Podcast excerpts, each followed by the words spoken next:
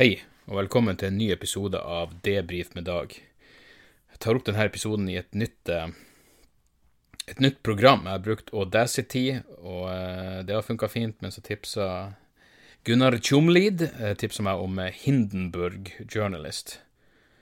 Det må vel være et av tidenes verste navn. Var det noen journalister om bord i Hindenburg? Er det derfor den datt ned, eller er det bare fake news, hele faenskapet? Gudene vet. Men eh, velkommen. Jeg er, litt sent, ute med dagens episode, fordi eh, jeg har eh, Jeg er lærer på dagtid. Jeg måtte si til Sander i dag at eh, ja, det er litt merkelig at du kan gå på kino, men ikke gå på skolen. Det er litt rart. Så får vi se hva de sier på eh, pressekonferansen i morgen. Jeg har vel et håp om at han kan være tilbake igjen i mer eller mindre normale tilstander på mandag. Um, satan, altså uh, En gjeng med mennesker som, som bare må uh, Ja, rett og slett bare uh, skyte seg sjøl, i hvert fall slutte å uttale seg offentlig. Jeg mener, Det tok ikke lang tid før man burde offentlig henrettes hvis man sa 'Å, i disse koronatider'. Men nå, altså. Jeg vet ikke hvor mange ganger jeg, jeg hørte på Dagsnytt 18 og Politisk kvarter jeg vet ikke hvor mange ganger jeg hørte den helvetes mantraen om at det her er de mest inngripende tiltakene siden andre verdenskrig. Ja, vi fuckings vet det. Alle vet det. Selv Randi, som ikke har hørt en nyhetssending eh, siden frigjøringa i 45. Hun vet det. Når faen ble Norge? Ja, det var 45. Jeg går ut fra det var 45, hvis ikke går jeg på en skikkelig blemme her. Men uansett, poenget mitt er slutt å fuckings bruke det der helvetes jævla klisjeen der. Det er nok nå. Jeg er så glad at det nå begynner å i det minste bli en jævla politisk debatt om det her. Og eh, ja, jeg hørte på Politisk kvarter, eh, så er det faktisk en av Siv Jensen som sier at det er problematisk at, eh, at regjeringa holder, holder hemmelig eh, alle rapporter som de baserer sine avgjørelser på, frem til de har tatt avgjørelsen, eh, når det absolutt burde være debatt på eh, i forkant. Og det, det funker ikke det å bare si ja, men vi hører på det helsemyndighetene sier. Det gjør dere ikke. Folkehelseinstituttet ville at alle skulle begynne på skolen, så det, det er slutt å si det der jævla tøvet. Jeg skjønner at ingenting av det her er noe jævla eksakt vitenskap. Fy faen, på eh, den debatten, han som sa eh, Han siste jeg hørte bruke det jævla begrepet mest inngripende tiltak, det var uh, Vebjørn Selbekk. Eh, hele Norges Jesusgutt. Han Altså, han ble jo en slags Han ble jo jeg mener, jeg vil vel si paradoksalt nok en slags jævla gallionsfigur for ytringsfrihet her til lands, fordi han faktisk eh, han eh, Ja, i forbindelse med strider rundt Mohammed-karikaturene. Men nå er han virkelig tilbake til å være Først var det det han idiotien han skrev om Smittestopp-appen, hvor det bare var Nei, her er det bare noble intensjoner, og uh, ikke hør på konspirasjonsteoretikerne, selv om ikke jeg kan si hvem konspirasjonsteoretikerne er. Nå var han her for å diskutere. Snakk om at han ja, da, Når du prater om Smittestopp-appen, så har du i det minste et litt større perspektiv på hva faen som foregår. Enten du er for eller imot. Men nå var han her for å klage på at, at uh, politikere går med den jævla FN-nåla, eller hva enn det slags nål som en pinn som symboliserer bærekraftsmålene. Og selvfølgelig Frp er jo eh, De liker ikke FN, og de liker ikke bærekraft, så selvfølgelig Og de, de liker vel nåler, men må være de rette nålene. Men Vebjørn Selbekk begynte å, i disse tider er det ikke bedre om vi fokuserer på noe nasjonale symbol, som kongehuset og flagget. Ja, i mai, Vebjørn, tror du virkelig det vil bli mangel på det norske flagget i mai, din dumme jævla dildo? Og hvordan i faen skal de gå med en Finnes det kongehuspinn? Ja, ta gjerne og slå en pinn gjennom skallen på Sonja og fest henne i dressjakken til Bent Høie når han skal ha pressekonferanse. Jeg støtter det, fullt ut, men herre jævla gud hvor tåpelig og smålig det går an å være. Altså, det, det var det, det mest meningsløse debatten, debatten jeg har hørt på evigheter klage på jeg mener, Ja, og det er jo et poeng, tross alt. FN som et, Du kan si hva faen du vil om FN, men det er vel et, uh, på et eller annet vis et symbol på at vi lever i en verden sammen, en rund jævla planet. Og Hvis ikke det fuckings pandemien har fått deg til å innse det, så er det faen ikke håp for deg. Oh, kongehuset, vil du ha det norske flagget? Hvor skal du ha Gud, for noen jævla sytkuker. Og så er det også sånn Det var det var to leger som hadde debatt frem og tilbake i, i, i Klassekampen. Og her er sånne ting som, som irriterer meg når ingen klargjør hva de mener for noe. Debatten var om hva tar mest liv av viruset og tiltakene mot viruset. Men det blir ikke klargjort hva de mener med Altså, spørsmålet er Den debatten gir jo ikke mening så fremst du ikke klargjør hva mener du med at tiltakene tar hvordan, du, hvordan, skal du beregne hva som tar mest liv av viruset og tiltakene? Og mener du da hvor mange liv ville viruset tatt hvis du ikke hadde satt inn tiltakene? Jeg skjønner ikke engang hva debatten er for noe. Så jævla frustrerende når folk bare prater forbi hverandre. På den andre sida, jeg prater forbi meg sjøl hele jævla tida, så hva er det jeg snakker om? Hva er det jeg prater om? Jeg, jeg, jeg er ikke så jævlig i humør som jeg høres ut som. Jeg er ikke, jeg er ikke i surkukhumør i dag i det hele tatt. Jeg har bare høy puls fordi jeg tok meg en joggetur, og så jogga jeg litt for fort. Eller ikke engang litt for fort, jeg jogga fort, for faen. Jeg er bra kondis, jeg kan jogge fort. Men jeg tok i litt hardt. Uh, for greia er at jeg får jo den jævla meldinga for hver kilometer. Og så hadde jeg sprunget tre kilometer, og alle meldingene hadde vært på at jeg hadde sprunget dem under fem minutter. Og da ble jeg besatt av at ja, faen, da må jeg i hvert fall Og så er det en passasje med jævlig mye oppoverbakker, så var det plutselig 5.13, og så skulle jeg ta det igjen. Så jeg, jeg sprang litt fortere enn jeg kanskje egentlig burde. Eh, og det som skjer da, er at jeg føler meg helt fin, men, men pulsen min går aldri helt ned til hvilepuls. Da blir jeg litt gira. Litt sånn, øh, sånn colaskjelven. Men, øh, men jeg vil tro og håpe at den joggeturen var bedre for den gode, gamle tikkeren min enn en, en, en colafest ville vært. Uansett, jeg håper de av dere som, er, som støtter meg på Patrion, har kosa dere med to bonusepisoder i helga.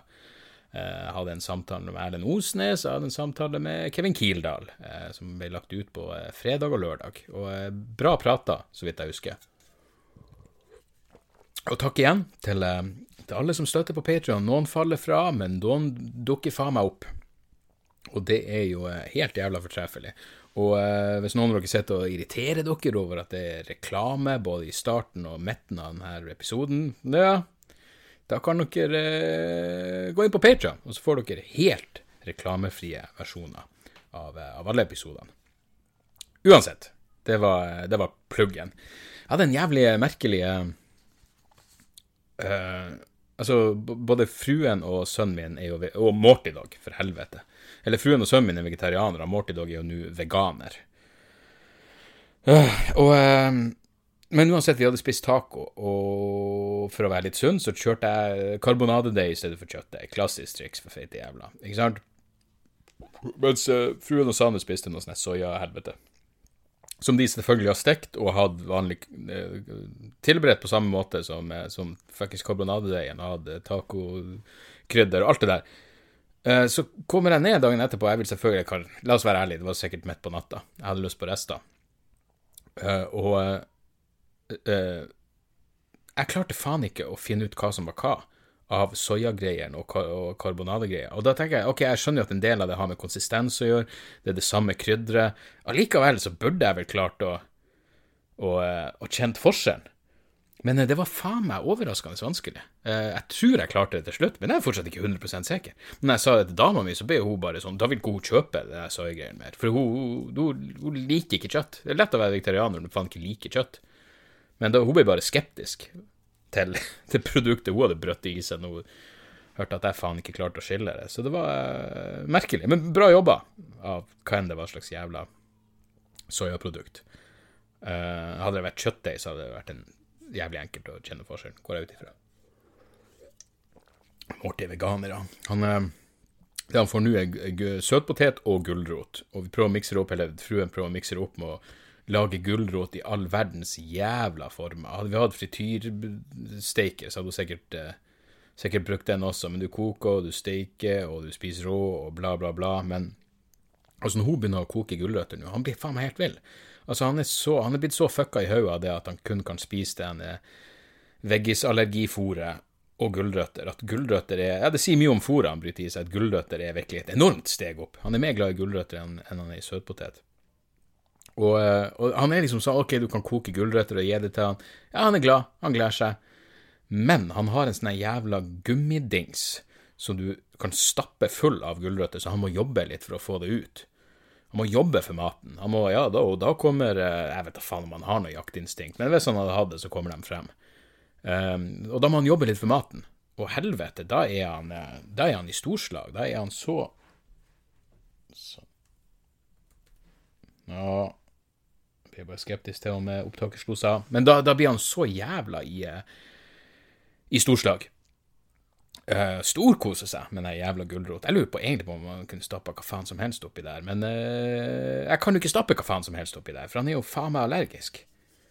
Jeg tok meg her om dagen, så uh, Og da var det For jeg elsker jo å filme når han jokker, fordi han, han, han krøller sammen et sånt teppe han har, og så jokker han. Det er gøy å filme han fordi han peser så inn i helvete. Han kjører på. Han holder ikke på så lenge, men det er virkelig sånn Ja, det, det, det er som om en jeg vet da faen, en 85 år gammel kolspasient får pult for første gang. Han er så ivrig og allikevel så umiddelbart andpusten.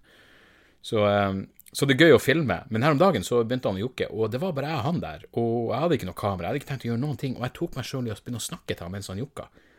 Og jeg sa til han, er du, er du, er du pappa sin jokkegutt, hæ? Er du pappa sin jokkegutt? Og da stoppa han opp. Og så begynte han å sleike i seg han begynte å sleike på den delen av teppet som han hadde stått og jokka på.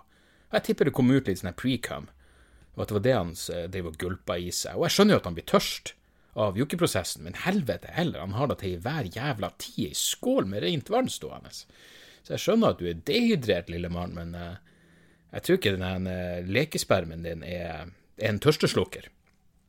Virkelig ikke. Han hadde også en Ja, jeg, jeg vet ikke hva som helt skjedde med meg, men jeg, jeg var, gikk tur med han i går, og så eh, jeg gikk og hørte på musikk. Jeg var helt i mine egne tanker. Jeg, jeg tror jeg var litt sånn anspent, litt dårlig humør. Jeg vet da faen hva det var. Hvis dere kan forestille dere det. Men eh, så, så, jeg går med han, og, så, eh, og, han er jo veldig enkel å gå tur med. Han er lydig. Jeg bare sier 'Martin, kom igjen', så, så kommer han. Men i det siste, jeg vet da faen om han, er begynt å komme inn i tenårene, eller om det er løpetid der ute, men han er begynt å bli litt vanskelig å ha med å gjøre. Så jeg gikk helt i mine egne tanker, og det her var jo et problem jeg hadde med Chomsky. Han var jo en sta faen. Men Chomsky var jo ti ganger så kompakt som Morty Dog er. Så jeg tror rett og slett jeg bare må Og heldigvis, altså Morty Dog har på seg han, han, har ikke noe bånd rundt halsen, han har sånn sele, så den er festa liksom rundt brystkassa. Men, eh, men, jeg går, og han var treg, og jeg skulle liksom bare dra han med meg, og jeg dro for hardt. Jeg dro sånn at han, han sto vel på jeg vet da faen hvordan det var han sto, men han for i hvert fall han, Altså, han gikk rundt. Uh, så jeg dro rett og slett for hardt i han, og han mista balansen og for rundt mot meg.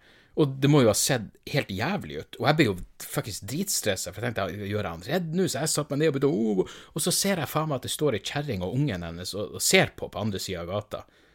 Og da tenker jo jeg sånn Ja, nå må de tro at jeg er et forferdelig jævla menneske. De må jo tro at jeg behandler bikkja mi på, den, på den måten jeg akkurat behandla han. Ikke sant? Jeg bare drar han som kommer flaksende. Det var jo faen ikke meninga mi i det hele tatt. Så jeg ble så jævla paranoid. Jeg gikk eh, så fort jeg kunne ta til venstre, og jeg gikk gjennom noen sin bakgård bare for å komme meg fort fra de dømmende øynene. Og i mitt hode, jeg, jeg gikk rett inn i Jeg, jeg fikk så jævla dårlig samvittighet. Sjekka, altså, Jeg satt selvfølgelig ned og strøyk på Morty, og vi ble venner og alt det der. Han kan jo faen. Det var ikke sånn han var traumatisert, men jeg ble traumatisert av det. Um, så jeg begynte å se for meg at hva hvis hun ringer purken, så kommer purken og stopper meg? Fuckings, vi hadde det var noen sånne ungdom vi trodde bedrev noe jævla innbrudd, og da ringte vi purken, og purken kom aldri. Så jeg, jeg, jeg tror ikke de prioriterer. Hei, det var noen som dro litt hardt i, eh, i den eh, fuckings dotten av en hund han dro på.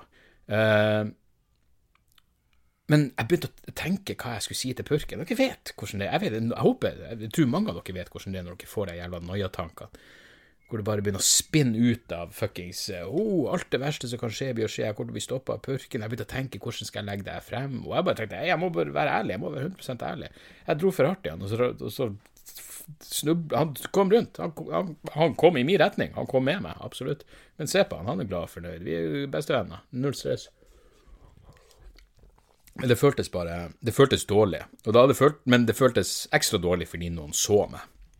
Hadde det bare vært jeg og Morty der, så ville det bare vært Hei, han Jeg ville sagt unnskyld, strøkka han, si at han fortsatt var glad og blid og fornøyd, og, og, så ville vi ta det derifra. Men når du begynner å involvere andre folk, så eh, Ja. Men det ordna seg, og han er fortsatt pappas lille jokkegutt. Lille jokkegutt der, altså. Fy faen, jeg kjente jeg fikk litt sånn uh, At jeg fikk sånn Blodet begynte å koke litt her når Jeg bruker jo en app som heter Pocket for å lagre Ikke en sponsor, Pocket for å lagre artikler jeg liker, og så kan du liksom gå inn Ja, du bare du legger inn en sånn extension inni webleseren din, og så trykker du bare der, så, så samler den sammen artikler du har lyst til å spare på. I mitt tilfelle artikler jeg har lyst til å skrive ut og lese senere. Så jeg satt og så gjennom dem nå, og da kom jeg over den ene som jeg hadde um, den ble, Når faen ble den publisert? Det er noen dager siden. Men det var et debattinnlegg fra to av de som har jobba med denne Smittestopp-appen. Og det var altså noe så jævla nedlatende fjas. Vet du noen liksom skal prøve å, å uh, anerkjenne at kritikerne av produktet ditt har noen jævlig gode poeng, men du vil bare lage stråmenn. Du vil ikke lage noe fucking stålmenn av deres argument. Så de, du avskriver dem egentlig. Og konklusjonen deres er altså bare så hinsides jævla nedlatende. Hør på den her. Med alt Og la oss nå La oss nå anerkjenne. Eh, Smittestopp-appen er en fuckings flopp. Det siste jeg så, var at 1,5 millioner nordmenn har lasta den ned. 900 000 bruker den, som betyr at 600 000 ikke bruke den. De har lasta ned, men de bruker den ikke, de får ikke til å bruke den. Og ja, dere vet, gudene skal vite at jeg har prata om det her. Og hvis dere ikke vet hva jeg syns om Smittestopp-appen, så kan dere gå tilbake et par episoder. Jeg gjorde en hel episode bare om hvorfor jeg har et problem med denne appen. Men det her er altså eh, Jeg ser ikke navnene deres her, men det her er altså et debattinnlegg eh, fra to stykker som er tilknytta Simula, som lagde Smittestopp-appen. Og her er det de, de avslutter debattinnlegget med. Noen vil på prinsipielt grunnlag ikke, ikke laste ned en slik app av hensyn til eget personvern. Igjen er dette et rimelig standpunkt vi slutter oss til under normale forhold, men i dagens situasjon bør man spørre seg om det er riktig å sette eget personvern foran andres helse. Se, det er det jeg gjorde. Jeg satte mitt eget personvern foran andres helse. Så drit i alle, for det første, alle prinsipielle innvendinger mot den jævla appen. Den funker jo faen ikke. Den er en praktisk jævla flopp. Så jeg setter ikke mitt personvern foran andres jævla helse, for den appen gjør ingenting for å hjelpe andres jævla helse. Åh, faen for noen dildo. Når alt dette er sagt, skal vi selvsagt slette både appen og våre data så snart vi har en fungerende vaksine. Vi skal feire den dagen. Ja, det tror jeg faen meg at vi skal. Så også det var Pakistan er det et problem at eh, eh jeg tror den første personen som ble bekrefta koronasmitte, han, eh, han, fikk identiteten sin Noen driver og la det ut på nettet, og hvor han bodde, og det ble hetsestemning, og leger som har blitt eh, bekrefta smitta, også fått alt av personlig info lekt ut på nettet. Jeg vet da faen hva folk skal gjøre med det. Skal de angripe dem? Gudene vet, men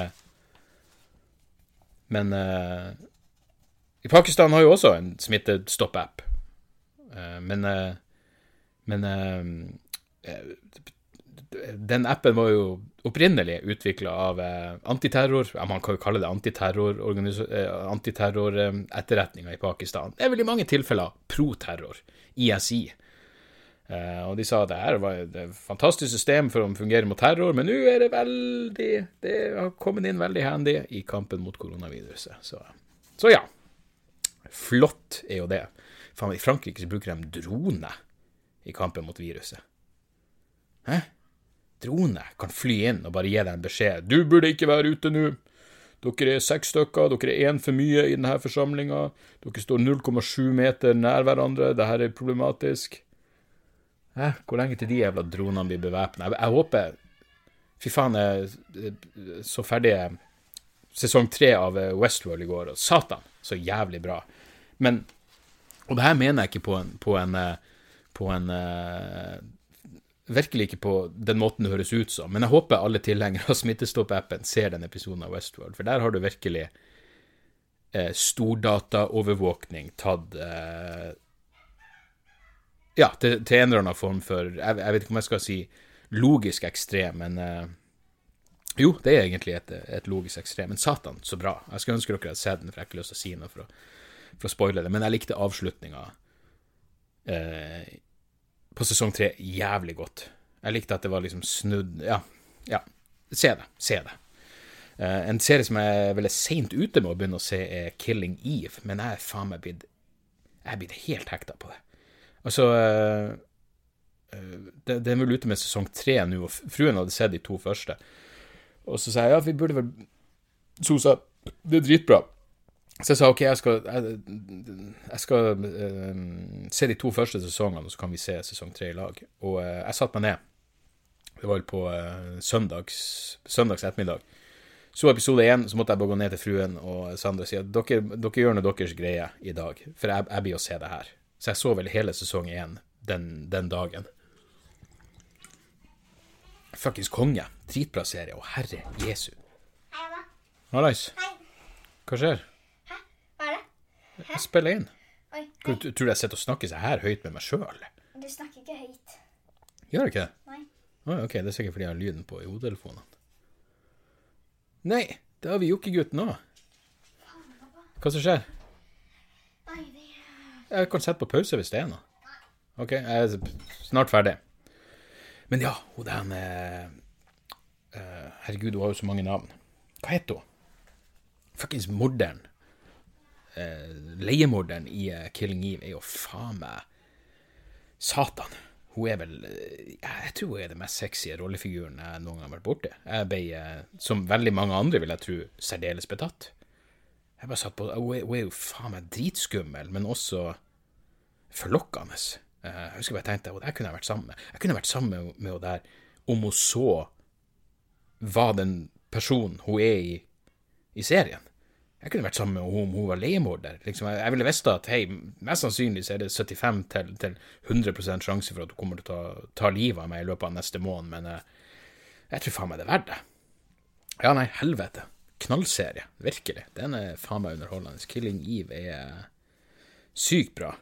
Eh, Så begynte jeg også å se på Planet of the Humans, eh, den dokumentaren. Jeg, jeg vet faen hvor jeg leste om den, og så så jeg at hei, den her er jo, ligger ute på Michael Moores side, YouTube-side, og han driver og promoterer den og har produsert den og alt det der. Så da tenkte jeg, er det Kanskje jeg skal se, før jeg investerer to timer av livet mitt i en, eh, en dokumentar som er hypa av Michael Moore. Kanskje jeg burde prøve å lese litt om den, og da skjønte jeg jo fort at eh, ja, nei, jeg vet ikke om det er verdt å se den. Det er godt mulig den har noen, noen poeng, men eh, altså, Michael Moore er bare Han har ingen troverdighet. Jeg, jeg, jeg, altså, han, han måtte virkelig anerkjent for en uh, uredelig propagandist han har vært i, i hele sin karriere og liksom sagt at OK, men jeg fucka opp, så nå skal vi starte på nytt. Sånn som Johan Hari, han, han journalisten, som liksom som fucka opp og plagierte, og plagierte seg sjøl til og med, og, og, og brukte sitat som var tatt fra andre plasser. og utga, Han utga folk Han intervjua folk, og så sa han at de hadde sagt ting til han som de hadde sagt i andre intervju eller i, i andre medium. Altså, han fucka opp. Og han, han, kom bare clean og så sa han, vet du, ok, nå skal jeg forsvinne en stund, og så skal jeg komme tilbake. Og så har han kommet tilbake og skrevet to uh, fantastiske bøker. Um, 'Chasing the Scream' og uh, 'Lost Connections'. Um, men ja, han har i hvert fall tatt et oppgjør med si uredelige fortid, og så han starta på nytt igjen. Så fremst Michael Moore ikke gjør det, så, så gidder ikke jeg å Du må trippelsjekke absolutt alle påstander. Og uh, ja, jeg orker ikke. Men det, det som er interessant, er vel at denne Planet of the Humans her legger, der legger de seg ut med eh, eh, andre klimaaktivister. Og det er jo selvfølgelig interessant, men ikke så interessant at jeg gidder å kaste bort tid på, på å se eh, den filmen. Um, se der. Ja, her er en ting som ikke ja, OK, så Kom jeg til å tenke på det her nå? Jo, jeg vet ikke om dere så det der med eh, Det var vel i forrige uke plutselig, så ble det så mye, og, og norske medier også, begynte å gjøre et poeng ut av at eh, nå har det, det eh, covid-19 tatt flere amerikanske liv enn Vietnamkrigen.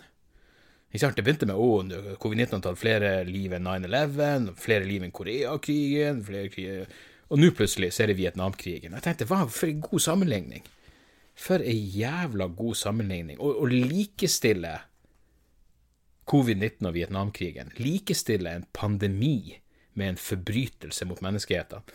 Jeg håper, ikke, jeg håper ikke Vietnam kommer i den situasjonen noen gang, hvor de sier å, nå har faen meg covid-19 tatt like mange vietnamesiske liv som eh, den amerikanske aggresjonskrigen år. Ja, faen meg to-tre millioner som har gått rett i eh, trepennalet som et resultat av det her.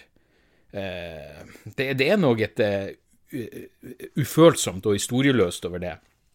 Og, og, jeg leste akkurat en artikkel i Washington, uh, Washington Post uh, av en, av en eller annen dildo som skrev at, det, at Vietnamkrigen det, det, her, det, er god Han, han forsvarte sammen, det å sammenligne pandemien med, med kriger, og så, og så skrev han den klassikeren. Vietnamkrigen er jo sett på som en feiltagelse, eller det ordet de bruker, blunder. Ja, Vietnam er jo sett på som en blunder av mange. Ja, det var en liten feiltagelse der, ikke sant? Det var ikke aggresjon. Det var ikke en, en fuckings krigsforbrytelse. Det var selvfølgelig. Vi kan ikke bedrive aggresjon. Det er det alle andre som gjør. Ja, det skulle tatt seg ut. Sovjetunionen de, altså Den invasjonen deres av Afghanistan, det var en liten blunder. De mente vel. Selvfølgelig mente de vel. Men, uh, men ja. Og så Faen, var det, det var et eller annet Oi, hører dere det? Nå er det ting som skjer der ute. Aldri til å glemme det der.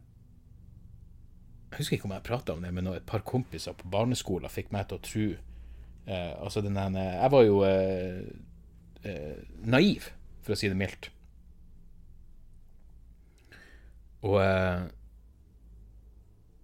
ja, så Det var som test av flyalarmen. Og de fikk meg faen meg til å tro at det var krig. Begynte å peke ut. 'Å, ser du ubåten i vannet?' Fuck. Så hadde de bare ei hagle hjemme, så jeg måtte ta en kjøkkenkniv. Det var det jeg skulle bruke. Jeg vet da faen hvem jeg trodde kom, det var vel sikkert russerne. Men jeg bare tenkte på det nå når det ene militærhelikopteret fløy forbi. Akkurat idet jeg prata om Vietnamkrigen. Hæ? Hæ? Det var også en uh, relativt irriterende uh, uh, artikkel i Morgenbladet om det nye Louis CK-showet. Sincerely, Sincerely Louis CK. Det er jo Elise Dybvig som har skrevet det. Jeg lurer på om det er hun som var skrev en, en slags situasjonsrapport fra den debatten jeg var med på med Tore Sagen og Jonas Støme etter den fuckings Ja, dere husker nå. Alt det der jævla tøvet hvor jeg bare følte at hun trekker altfor Ja, altså, hun er veldig i sitt eget Altså, hennes eh, gjenfortellinger Altså, i, i, stedet for å sitere meg korrekt, så tilegner hun meg eh, synspunkt. Altså, hun tolker det jeg sier, og så utgir det som om det var det jeg objektivt sa. Og det er bullshit. Og den der type tankegang kommer virkelig frem i det her også. For jeg skal nemlig skrive og ha sett det nye Louis E.K.-showet. Um, Altså For det første, bare, bare hør på tonen her.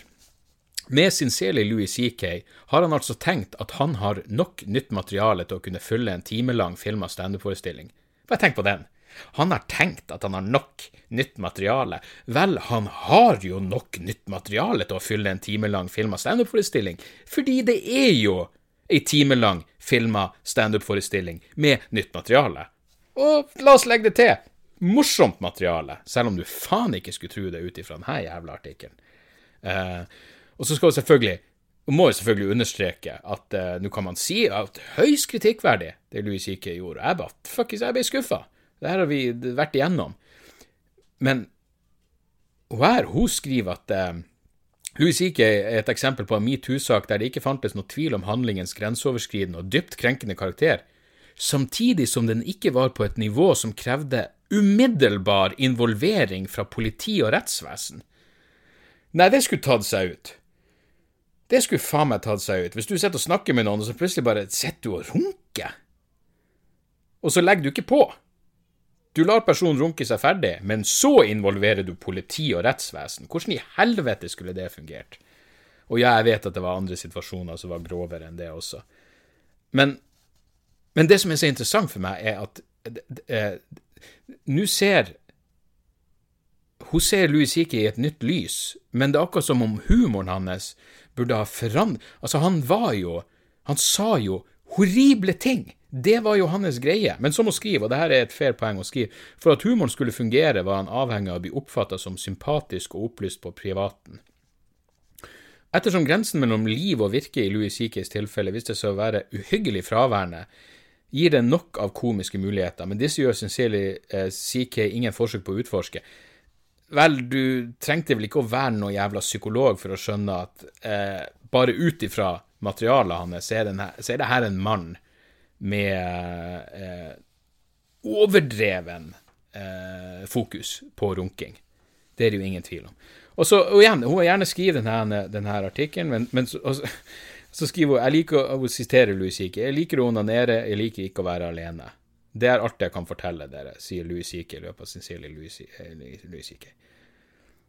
Og da mener hun at For hele hennes argument er at hun nei, er at Louis CK gir et inntrykk av at det kun hans perspektiv Hun sier vel det rett ut en eller annen plass. Det er kun hans perspektiv på det som har skjedd, som er interessant. Og for det første, han er jo han. Og han vil jo på et nivå forsvare seg, så det er klart han kommer med sitt perspektiv.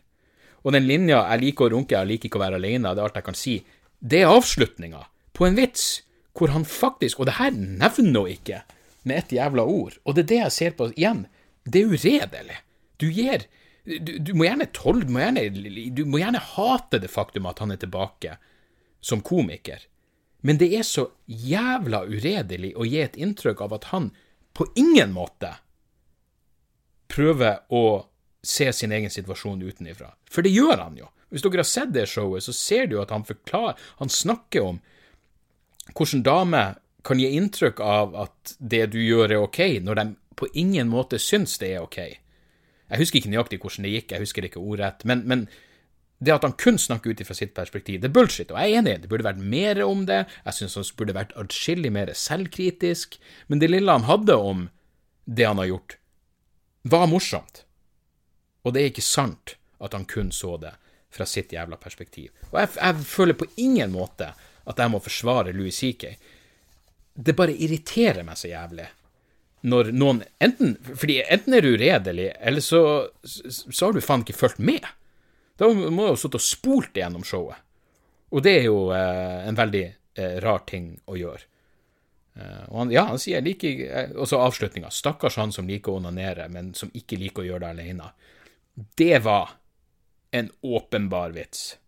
På samme måte Hva med når han sier at han ville pult en unge? Er ikke det ganske forkastelig? Å oh, ja, du skjønte at det var en vits? Hm, så i noen tilfeller skjønner vi når noe er en vits, og i andre tilfeller så er det blodig jævla alvor. Jeg syns det musikkshowet var dritbra. Digga det. Noe som ikke var dritbra, var det nye Seinfeld. Jeg, jeg, jeg holdt ut Jeg begynte å dette ut etter ni minutter. Jeg så 18, 18 minutter av det nye showet hans på, eh, på Netflix. Og det er sånn Det er bare ikke min greie. For meg så er det anmasende og slitsomt og sinnssykt uinteressant. Det er altså han har bare ingen perspektiv som engasjerer meg. Og det, det er liksom, Han er jo Seinfeld. Han er ja, selvfølgelig en av verdens eh, største komikere gjennom tidene og alt det der. Men uh, jeg trenger virkelig ikke at han står og forteller meg at vi er avhengig av mobiltelefoner i 2020. Det, det, gir, meg, det gir meg ingen verdens ting. Så, uansett eh, Jeg har bestemt meg for at eh, jeg skal prioritere eh, spørsmål fra Patrion fremfor vanlige mailer eh, fremover. Rett og slett bare fordi de på Patrion støtter meg og alt det der. Eh, så um, du må fortsatt gjerne sende meg Du, når vi er Faen, idet jeg sier det, så kommer jeg på at det var en mail jeg burde Som jeg leste, som jeg burde, burde ta her. Er personen ikke på Patrion. Eh, ironisk nok, eh, gitt det jeg akkurat sa. Men eh, det setter kanskje vårt liv litt i eh, i perspektiv. Skal vi se. Anonym. Eh, anonym leses helst før sending. Leses helst før sending da jeg er en ræva skribent. Her er historia. Eh, Halla, Dag. Først må jeg, eh, må jeg vel starte med skryt, skryt, skryt osv. Digger deg og alt du gjør av underholdning osv. Jeg har ufrivillig havnet bakpå med podkastlytting både på debrif med Dag og dialogisk, men nå har jeg mange timer med underholdning foran meg. Så hurra for det. Jeg sitter, uf, jeg sitter jo, ufrivillig i en slags karantene kalt fotlenkesoning. Fotlenkesoning. Eh, to uker har gått, eh, bare elleve uker igjen. Det har vært moro å høre hvordan du har blant, du blant annet reagert på eh, koronakrisa, men fra mitt ståsted har denne pandemien bare vært bra. Jeg satt locked up når korona begynte, 2.1 ble jeg satt inn, og så innsatt eh, fikk vi flere fordeler som enkeltrom, bedre middager, ekstra penger til ringetid, PS4 fikk vi også, for å nevne noen av fordelene. Men ting er ikke en dans på roser eh, selv om jeg har kommet hjem. Min samboer har jo selvfølgelig gått ifra meg mens jeg satt inne, den ene katten min er død, og nå ser det ut som, hun, eh, nå ser det ut som koronakrisen nærmer seg slutten, noe som kan gjøre fotlenkesoninga litt vanskeligere. For da må jeg nok ut og jobbe som frivillig for Fretex eller noe lignende. Jeg er jo bedre å sitte hjemme og lese bøker, ta igjen på podkast og serieverden som jeg henger veldig etterpå. Så får jeg tid til å tenke over hvilken egoistisk jævel jeg er, og har vært. Så får man jo håpe på at jeg kommer ut av dette som et bedre menneske etter at soninga er over. Um, så nå kommer jeg til mitt spørsmål. Under soninga mi fikk jeg god tid til å tenke over alt og ingenting. Hva er det som gjør at norske fengsler skal være blant verdens beste? Da tenker jeg ikke på at folk oppfatter dem som firestjerners hotell, for jeg sover på firestjerners hotell, og fengsel er langt fra der. Jeg tenker da på rehabiliteringsbiten. For der jeg satt, var det ikke noe opplegg ifra, ifra kriminalomsorgen sin side som skulle hjelpe innsatte å bli en bedre borger. Jeg satt riktignok på et åpent fengsel, men det satt fortsatt folk med relativt lange dommer. En med en med fem år, mange med tre års dommer, osv., osv. Eh, og, ikke noe, og de har heller ikke noe ekstra opplegg med tanke på rehabilitering. Så det jeg kom frem til, er at norske fengsler kjeder oss i hjel og skremmer en del. Ikke alle. Satt folk der som hadde sona både 14, 11 og 8 år til sammen. Ellers er det slik at folk får tid til å reflektere over sine handlinger og eh, vil legge sitt kriminelle, liv bak seg. Eh, noe jeg har gjort, selv om jeg hadde klart å legge min uh, legge sin kriminelle liv bak seg. Noe jeg har gjort, selv om jeg hadde klart å legge min kriminelle fortid bak meg før jeg møtte opp til soning. Ja, ok. Tok nesten tre år fra, fra jeg ble tatt til jeg måtte sone. Det var mer straff enn å sitte i fengsel, faktisk. Så det at kriminalomsorgen tar på seg mye av den såkalte æren av å ha så god rehabiliteringsprosent er svada, mener nå jeg. Men takk, takk, for at jeg kan ventilere meg til deg uten at du ber om det. Jeg håper alt står bra, med, står bra til med deg, fruen, Sander og Morty. Jeg er ikke kommet lenger enn 3. april-episoden din, så jeg vet ikke helt hvordan ståen er i livet ditt, men igjen håper dere har det fint. Um, og så, her er greia, så jeg leste det her, og gjennom hele mailen tenker jeg OK, hva har du satt inne for? Det kommer til å avgjøre mitt syn på deg. Hva satt du egentlig inne for? Og da kommer det. PS. Jeg satt skråstrek soner for en offerløs handling, såkalt grov narkotikaovertredelse. Så slipper du å lure på det. Takk for det, kompis. Det betyr at du mest sannsynlig ikke gjorde noe galt og ikke burde straffes. Men uh, Ja, takk for mailen. Altså, det her var uh, Eh, det, det, var interessant, fordi greia er at i Norge har vi jo eh, særdeles, nå husker jeg ikke tallene, men, men altså av, av, folk som sitter inne, så er det veldig få. Altså, hva er, hva er det på norsk? Altså, det heter jo recidivism på, eh, på engelsk. Så jeg, jeg vet da faen hva du skal kalle det på norsk. Du, ja, som du sier, det, kriminelt tilbakefall, at du havner utpå igjen på et eller annet vis. Um, så det er jo um, ja, det, det, er jo en grunn til det, og jeg trodde at, ærlig talt at det var fordi det faktisk var At det var eh, fokus på, eh, på rehabilitering. Faen ble datt mailen ut igjen? Men eh, interessant eh, å høre fra eh, noen som har hatt litt annen, anna opplevelse under, under pandemitida. Faen, det var én ting til. Her er problemet. Når jeg leste opp mailen, så var det flere ting som datt inn i hodet mitt, og så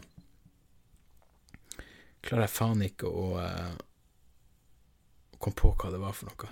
Men også interessant å høre at, uh, at dere fikk bedre um, Hva det igjen? At du fikk bedre mat og uh, Du fikk enkeltrom og bedre middag og ekstra penger til ringetid. PS4 også. Hæ? Sitter du der med PS4-en din, mens, mens, Breivik Han får bare sitte der med sin PS2.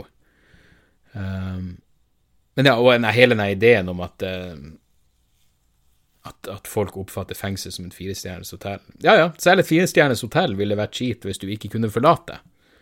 Eh, det er vel det Det er vel det åpenbare poenget. Faen, hvor gøy hadde det ikke vært hvis jeg leste denne mailen og tenkte Men den her fyren som akkurat slo på ut av fengsel og fortsatt sitter med fotlenke, han er jo ikke på Patrion. Så da gidder jeg ikke å ta det her spørsmålet. Men uansett, takk for mailen, og eh, jeg håper alt ordner seg. Jeg håper, jeg håper du får deg en ny katt og en ny dame. Men poenget mitt var bare at jeg, jeg blir å prioritere eh, Patrion, eh, fremover. Eh, det, ja, så jeg, jeg lager en, eh, jeg en greie der. Eh, Nå har jo denne episoden allerede vart ei stund, så jeg tror vi, eh, vi sparer det til, til neste gang. Det var ett spørsmål som var interessant på Patrion. Simon spør eh, Verden er kompleks, og det kan ofte være vanskelig og tidkrevende å komme fram til sannheten om forskjellige emner. Ofte har man ikke tid og mulighet til å forstå en sak fra alle slags vinkler, og man må ofte stole på autoriteter og sin egen intuisjon. Når du uttaler deg og har en mening om en sak, hvordan balanserer du dette? Hvor mye setter du deg inn i saken? I hvor stor grad stoler du på forskere? Hvor mye stoler du på egen intuisjon? Um, vel, som komiker så forbeholder jeg meg jo retten til å uttale meg bastant om ting jeg ikke har satt meg inn i i det hele tatt. Da er det forhåpentligvis med en humoristisk eh, undertone. Um, og så er det jo noen ganger jeg virkelig eh, setter meg inn i en sak også. Så, så, altså, Smittestopp-appen er jo, er jo eh, det mest åpenbare eksem eksempelet fra, fra, nyere tid. Der tenkte jeg det her er jeg nødt til å uttale meg om, men det her, det, ingrediensene i Smittestopp-appen er ting som interesserer meg. Det er overvåkning, det er personvern det er liksom prinsipiell kontra pragmatisk tenking, alt det der. Uh, og da brukte jeg jo tid på å sette meg inn i det, men Men, men, men her er greia in, Du må være bevisst på dine egne intuisjoner, ikke sant? For jeg vet at mine intuisjoner er å være imot en sånn app. Så da må jeg jo selvfølgelig sette meg inn i hva er argumentene for, uh, i tillegg til å liksom lese ting som mer bekrefter mine Som bekrefter min, min intuisjon. Uh, men det er nesten litt vanskelig å, å, å svare på sånne her spørs, spørsmål i, når det ikke er mer konkret. Altså det, det blir litt for, for, hypotetisk. Men for å si det sånn, så har jeg eh, Ja, jeg vet ikke. Jeg, jeg tror faktisk denne, det at jeg var akademiker i min tid, har hjulpet meg litt når det kommer til akkurat det her. For jeg har Jeg, jeg, jeg vet hvordan jeg skal gå frem for eh, å sette meg inn i en sak, og jeg vet hvor jeg skal hvor jeg skal lete etter både argumenter for og argumenter mot. Eh, forskjellen er jo at ja, sånn som da jeg studerte og f.eks. skrev ja, Da jeg skrev min masteroppgave om, om krigen mot terror og skrev mye om invasjonen av Irak, så var jeg jo eh, ihuga motstander av krigen av Irak og, og, var ute i gata og demonstrerte mot den og alt det der. Men jeg kan huske at det, det, eh, at det nesten føltes rart å, å lese artikler og bøker som, som argumenterte for den krigen. Jeg, jeg, tror nok at jeg kunne, jeg kunne, lese argumentene og forstå dem, men jeg tror ikke jeg prøvde å eh, Ja, jeg, jeg tror ikke jeg på noe tidspunkt var villig til å la meg overbevise om, om argumentene så hadde vært, eh, vært gode. Um, akkurat med den krigen så var det jo ikke Når, Christopher Hitchens ikke klarer å argumentere overbevisende for en sak, så um, så er det en dårlig sak, eh, eh, rett og slett. Men, eh, men, det er klart, i de fleste tilfeller så stoler jeg jo på forskere, men forskere er jo ikke én ting. Det, det, er jo pandemien et perfekt eksempel på. Det er jo mye forskjellige eh, Ja. Det er mye forskjellige synspunkt der ute, og det er liksom ikke jeg Det er mange sider av samme sak og alt det der. Men ja, etter hvert så, så, får du liksom en sånn Du får en intuisjon på hvordan du skal gå frem for å, for å, for å prøve å sette deg inn i noe. Uansett, la oss avslutte det her med et par tips.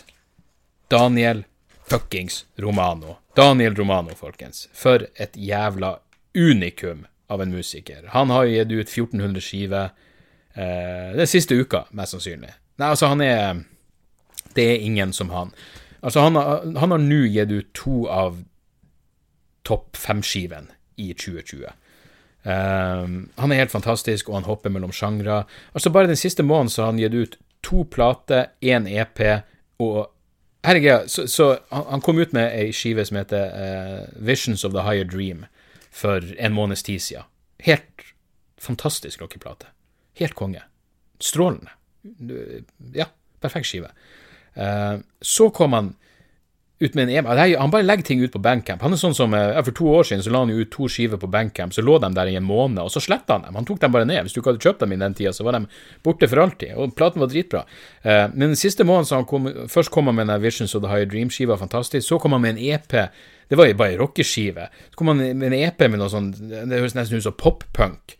Eh, og så kom han ut nå med ei skive som heter Content to Point the Way, som er ei rein countryskive. Altså, han hopper så jævla lett mellom sjangrene. Og det er ei fantastisk countryskive. Den den er helt strålende. Um, og det er den første rene countryskiva han har gitt ut siden 2015. Så i morges uh, Jeg våkna opp sånn i, i, i sekstida. Uh, sov litt dårlig, så satte jeg på den plata. Og så slo jeg av flymodusen uh, for å sjekke avisoverskriften. Og da kommer det sånn en notification fra Bankcamp. Da faen meg Daniel Romano nok en utgivelse der ute. Da han kom ut med, I tillegg har han kommet med ei liveskive innimellom alt det her. Men da han kom ut med en ny låt som er 22 minutter lang. Og som også høres helt fuckings konge ut. Og som er en helt annen sjanger enn de andre tingene han eh, Kort fortalt.